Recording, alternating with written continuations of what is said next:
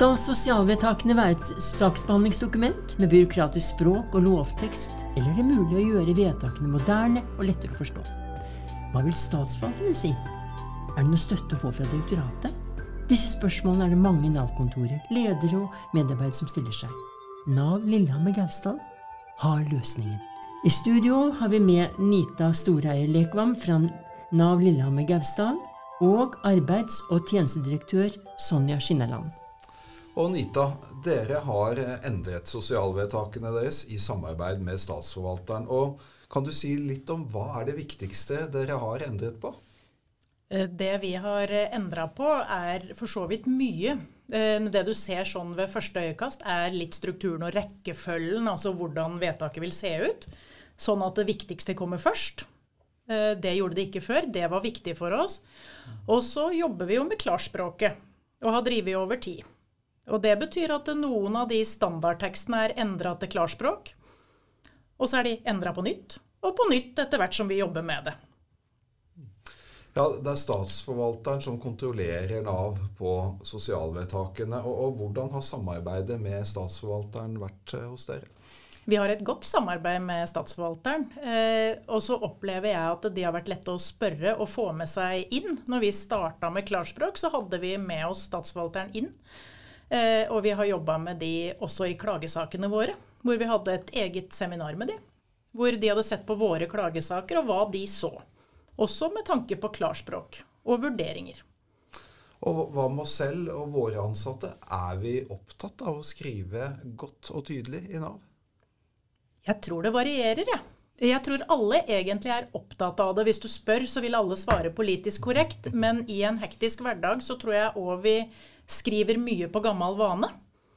Eh, og har du det hektisk og skal skrive fire vedtak til før utbetalinga går, så tror jeg at det kommer langt bak. Eh, og det er jo litt av målsetninga vårt med å ha et klarspråk som vi jobber med over tid i vedtaket. Så dreier jo det seg om at da skal vanen etter hvert bli at det er klarspråk som kommer ut.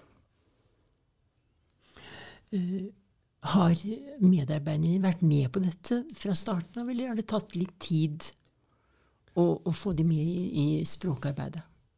Vi har jo brukt lang tid på forberedelse, sier jeg. Jeg tror vi brukte et år. Ja hvis ikke to eller tre, og prate om at vi ikke var fornøyd med vedtakene. Og da tenker jeg at vi har gradvis liksom nærma oss, og så bestemte vi oss bare at eh, nå starter vi. Så da satte vi opp dato for en fagsamling, og så skulle alle se for seg hvordan de trodde det skulle bli. Og så begynte vi å jobbe. Så har vi vært helt enige om at fra den dagen vi sa start, så skulle alle være med. Da var det lojalitet som gjaldt, at da prøver vi. Og så er resultatet av og til ikke det beste, men vi har fortsatt prøvd, og vi blir bedre og bedre. Sonja, hvilken rolle og ansvar har direktoratet i arbeidet med å forenkle sosialvedtaket? Direktoratet er jo eh, et fagdirektorat for sosiale tjenester. Så det er jo kommunen som har ansvaret for utbetalingene og at de følger loven eh, i forhold til sosialvedtakene. Så det er vår kommunale partner som har hovedansvaret her. Vi er jo med på å endre lovverket når det skal gjøres. Så det er klart at sånn faglig sett så har vi jo også et stort ansvar. Men det er ute i linja. Eh, vi er helt nødt til å jobbe med dette. Og så er det som du sa, statsforvalteren som er inne og kontrollerer da at vi følger lover og regler i henhold til lov om sosiale tjenester. Men har vi noe ansvar eh, for å være pådriver i språkarbeidet? Ja, vi har helt klart et ansvar for å være pådrivere i språkarbeidet. Fordi i mitt hode så spiller det ingen rolle om det er et sosialvedtak, om vi svarer på telefon, om vi sender en SMS, om vi svarer i digital aktivitetsplan. Vårt ansvar, det er å snakke på en måte som er tydelig og forståelig, at vi er forutsigbare, at vi gjør det så enkelt som mulig for alle brukerne våre. Er vi den pådriveren i dag? Jeg tror nok at jeg er enig med Nita, at vi jobber med det. Vi prøver å forbedre det. Eh, jeg tenker at vi er ganske langt på vei, og takket være Hans Christian Holte også, så han har jo sagt klart ifra at dette ønsker han at vi som organisasjon skal være pådriver på å rydde opp i. Så jeg tenker at vi er på vei, men vi har et langt stykke igjen. Og så er det noe med å få alt taktet likt, fordi det kan ikke se ulikt ut i alle kommuner og alle fylker. Hva mener du, eh, Nita? Ja, akkurat det siste der tror jeg er litt clouet, da. For jeg ser hos oss hvis vi får flyttesaker, så ser jo vedtaken helt ulike ut fra en kommune til en annen. Og det er jo kanskje litt ønske jeg i hvert fall har merka i denne prosessen. At tenk om vi kunne ha fått Her er eksempelvedtaket på rekkefølge, at alle fikk eh, øverst. Så står det hva du får eller ikke får. Altså for jeg ser jo på vedtak vi får nå, at det varierer. Og jeg tenker hvis du har dårlige norskferdigheter, f.eks., så er det ikke lett når du er vant til å lese én type vedtak, og plutselig så flytter du kanskje ei mil, og så ser det helt annerledes ut. Mm. Og jeg er så enig med deg, Anita. Eh, det har jeg tenkt mange ganger. Mange av de som er aller eh, svakest, på en måte, de vi virkelig er et sikkerhetsnett for, de har ganske rotløs bosetting. De flytter mye på seg. Så de vil jo nettopp treffe alle disse ulikhetene veldig, veldig fort. Og da er det så viktig at vi jobber sammen om dette. Og jeg ble også så glad når du sa at du har jobbet, dere har jobbet veldig tett med statsforvalteren. Det tror jeg er et uh, nøkkeltrekk å gjøre det. Og så, når dere har jobbet så godt med statsforvalteren deres, så kan vi bruke de eksemplene dere har hatt, og så må vi få det inn i nettverk for statsforvaltere. For vi trenger at statsforvalterne diskuterer hva de er enig i, hva de er uenig i, og at vi heller kan tenke hvordan kan vi jobbe med dette på landsbasis, inn mot alle kommuner. Og så kan vi samtidig også gjøre det selvfølgelig på statlig side, for vi har nok å rydde opp i der også. Mm. Hvorfor er, Sonja, hvorfor er endring av sosialvedtaket et større problem enn f.eks. statlig vedtak? Hva er grunnen? Nei, nå skal jo ikke jeg eh, si at det er eh, det. Jeg, jeg, tenker vel egentlig at alle vedtak vi gjør, eh, har vi et Altså, vi trenger å få gjort noe med alle vedtakene, men det er klart at kommunene våre de styrer sine vedtak én og én kommune, og det er mange kommuner. Det som kommer i statlig linje, det kommer også fra ytelseslinja, ikke sant, og der er det jobbet med på en måte sånn at når det blir vedtatt, så treffer det alle brukerne. Så Derfor så er det mer ensformig på statlig side enn det det er på kommunal side, fordi det nettopp kan være en del mer variasjon. Derfor er det viktig. Anita, hva tror du? Jeg merker jo òg det at det blir ulikt. Og så tror jeg at vi hadde hatt godt av hvis vi fikk statsforvaltere sammen og kanskje lagde nasjonal gruppe. Som kunne vært både fra nord og sør og øst og vest, for så vidt. For å bli litt enige om at dette er malen vi bruker. Og det går ikke på innholdet og vurderinga, men det går rett og slett på omrisset. Det syns jeg var en veldig god idé, og jeg tenker at vi har alle muligheter til å gjøre det. Og så tror jeg at statsforvalterne selv vil synes at dette er et betydelig arbeid som de gjerne vil investere tid og krefter i. Hvem tar initiativet? Vi tar initiativet. Da syns jeg vi har en god avslutning på denne praten med oppfordring og løfte om et uh, møte mellom statsforvalterne. Tusen takk for at dere kunne komme hit til På godt navsk. Tusen takk. Takk for oss. Takk for oss.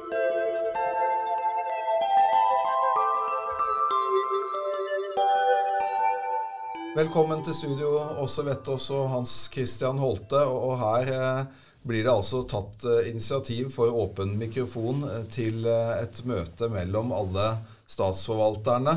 Eh, for å bli enige om eh, hvordan sosialvedtakene bør være for alle. Og det høres ikke ut som noe du kommer til å sette foten ned for, Hans Christian? Nei, det er ikke noe jeg stritter imot. Altså. Jeg, jeg syns dette høres veldig bra ut.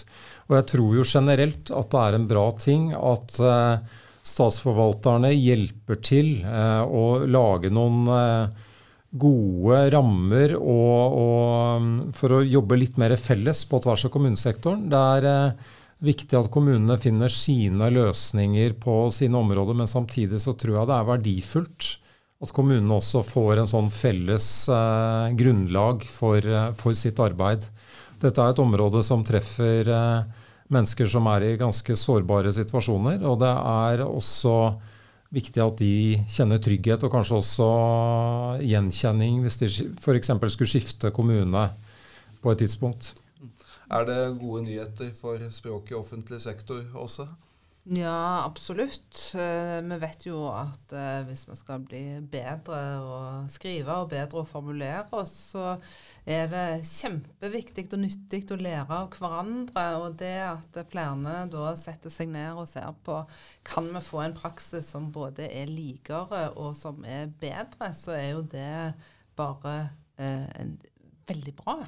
Eh, vi skal huske på det at det klarspråksarbeidet og det språkforbedringsarbeidet, det dreier seg jo òg om å få en bedre måloppnåelse for forvaltningen sjøl. Altså mer effektive saksgang, mer eh, fornøyde brukere som forstår hva det er slags plikter og rettigheter eh, de har. Eh, og mer virkningsfulle dokumenter. Så dette er det all grunn til å, å sette seg ned og jobbe sammen med. Absolutt. Hans Christian, eh, vi kan vel ikke se bort ifra at sosialvedtakene blir viktigere ut ifra den økonomiske situasjonen og utviklingen vi er vitne til. Eh, du har gitt klar beskjed i månedsmeldingsbrevet om at eh, vedtakene skal forbedres. Du har vært rundt og reist ganske mye i landet. Eh, hva slags inntrykk har du? Har du inntrykk av at mange følger opp og jobber med dette? Eller trengs det nå sterkere lut? Jeg har eh, først og fremst veldig mange flotte inntrykk fra de reisene jeg har hatt rundt i Nav, det må jeg si. Og det gjelder også, også sosialområdet, eh, helt klart. Så jeg, det som jeg får bekreftet når jeg er ute, det er jo at det er jo det er jo så mye god vilje eh, når det gjelder å, å, hjelpe mennesker i vanskelige situasjoner eh, i, i eh, organisasjonen vår. Og så tror jeg at eh, det av og til er eh, nyttig å ha sånn type, sånn som vi snakker om nå, da, sånn type felles, eh, felles erfaringsutveksling og bevisstgjøring. Ja, hva er, det, hva er det som utgjør den gode kvaliteten? når vi skal, eh, eh, når vi skal formidle i et vedtak en beslutning på sosialområdet. Og det er jo, tror jeg, få situasjoner som, som er sterkere for et menneske enn å motta et brev fra Nav om eh, sosialstønad eller eventuelt et avslag på Eller at man kanskje får mindre enn man hadde forventet osv det er, eh, det er veldig altså sterke beslutninger og kanskje forbundet med mye usikkerhet og, og, bekymringer. ikke sant?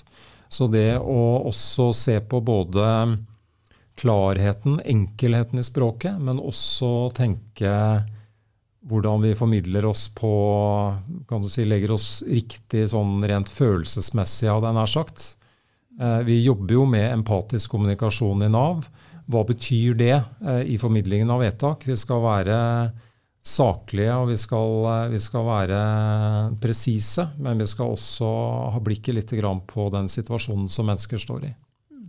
Sosialvedtakene har en del spesielle begreper så, som kommer fra loven. altså Livsopphold, stønad, refusjon er blant de. Og, og også er føringene i lovtekstene så hard nødt at selv klartspråk kommer til kort. Nei, det eh, er det ikke. Vi skal huske på det at loven òg pålegger det offentlige veiledningsplikt overfor innbyggerne. Og det å veilede på den måten at en bruker et uh, klart og enkelt språk, som da ikke nødvendigvis uh, lar seg smitte av de mer sånn uh, Eh, byråkratiske formuleringene mm. som, eh, som, preger en del lovverk, det er veldig viktig. For eh, særlig i en, ja, i en, i en vanskelig livssituasjon mm. så skal du ha trygghet for at du er behandla rettferdig og likeverdig. Og det å da bruke et språk som signaliserer det, og bruke et språk som er i øyehøyde med den som mottar vedtaket, det er veldig viktig. Og så må jeg jo bare si én ting til, og det er at det, er jo ikke sånn at det Eh, språket som står i loven, i seg sjøl nødvendigvis er en evig fasit. Vi i Språkrådet vi jobber jo sammen med lovgiverne for å få til et klart og enkelt lovspråk som skal gjøre de lovene mer tilgjengelige for flere, og mer tilgjengelige for alle som skal forholde seg til dem. Både saksbehandlere og de som sitter i andre enden og mottar vedtak. Så det går an å jobbe på flere områder samtidig. Og hvis det er sånn at en lov inneholder uh, ord og uttrykk og formuleringer som er forelda og upresise, så er det faktisk sånn at det går an å gjøre noe med de tekstene òg. Mm. Eh, Hans Christian, eh, i livepodkasten vi nylig hadde under Arendalsuka, så kastet statssekretær Nancy Hertz stønad i søppelbøtta. Du snakker om å bruke penger eh, i sosialvedtakene, og, og, du har tidligere kastet restarbeidsevne, som var det første ordet som gikk i, i søpla i podkasten vår. Eh, sitter vi fast i begrepsbruken vår, eller klarer vi å bytte vanskelige ord og begreper raskt nok? Det hender, hender, jeg lurer litt på om det er en sånn type gjenbruksstasjon, eller om det er en sånn ordentlig søppelkasse disse ordene går i. For jeg, jeg, ser jo faktisk at de kommer tilbake, eller at de fortsatt er der, eh, til dels. Og det tror jeg faktisk er verdt å tenke litt igjennom for vår del. Eh, hva betyr det egentlig når vi kaster et ord i søpla her? Hvordan jobber vi videre etter eh, etter at mikrofonen er slått av, for å, å, tenke virkelig gjennom hva vi kan gjøre for å rydde dette ut. For det er ikke tvil om at i en organisasjon som Nav, eh, og med de lovmessige kravene som stilles til oss også for eh, sant, eh, så, så, må vi være veldig Jobbe ganske standhaftig, tror jeg, eh, for å rydde ut noen av de ordene som vi bruker gjennomgående i hele eh, organisasjonen vår. Så, men jeg tenker at disse ordene som er kastet i søppelbøtta, det er ikke uten grunn. Vi bør se på det. Eh, vi har f.eks. brukt penger istedenfor ytelser og stønader i vår nye strategi når vi snakker om det. Så sånn sett, det nytter å kaste ord. Det var godt å høre. Og altså helt til slutt, eh, er det ikke, altså, eh, Hans Christian erkjenner at dette tar litt tid, at det er litt vanskelig. Er dette også noe som offentlig sektor i sin alminnelighet har litt problemer med med å skifte ut begrepsordbruken? Absolutt. Og det er jo en grunn til at uh, vi sier at arbeidet med et klart og godt og brukervennlig språk er et uh, kontinuerlig uh, forbedringsarbeid. Altså det fins ikke noen endelige fasit. Etter hvert så verden forandrer seg og samfunnet forandrer seg, så forandrer òg de språklige behovene seg. Og alle har en, en, vei å gå når det gjelder språkbruk. Noen har gjort mer enn andre, men jeg tror at det som, det som Nav nå gjør med å rett og slett signalisere at språkforbedringsarbeid det er et ansvar som hele organisasjonen har, og som alle må være interessert i. At det er en veldig god nøkkel til å gjøre noe som, som virker lenge. Da jeg vokste opp, så var det i filmene fra Hollywood, eller amerikanske filmer, så var det, sto det alltid 'happy ending'. Eh, er det håp om at vi skal få en happy ending her også, da? Ja, jeg tror jo at uh, mye av dette handler om at en uh, rett og slett uh, bruker den språklige anledningen til å myndiggjøre de som er innbyggere som, som, som, bruker Nav. Altså at en skal være rett i ryggen både når en går inn og når en går ut, og at en har et språk som da ikke signaliserer at det er noen snille tanter og onkler som på en måte dele ut almisser eller, eller dele ut premier basert på hvor, hvor flink en er, men at det, at det, rett og slett er et system med som, At språket signaliserer likeverdighet og, og rettigheter og tillit. Hans Christian, er det noe du ville ha sagt nå? bare si forlengelsen av det fine Åse sier her, at vi, vi er jo alle navere, ikke sant? Og det er nettopp denne likebehandlingen, og egentlig at vi er litt i, i øyehøyde, som også, også sa her i stad. Det, det, bør være en ambisjon å, å, på en måte uttrykke det i vår, vår kommunikasjon. Ja, det var en fin ambisjon å avslutte sendingen med. Tusen takk til gjestene våre. Tusen takk.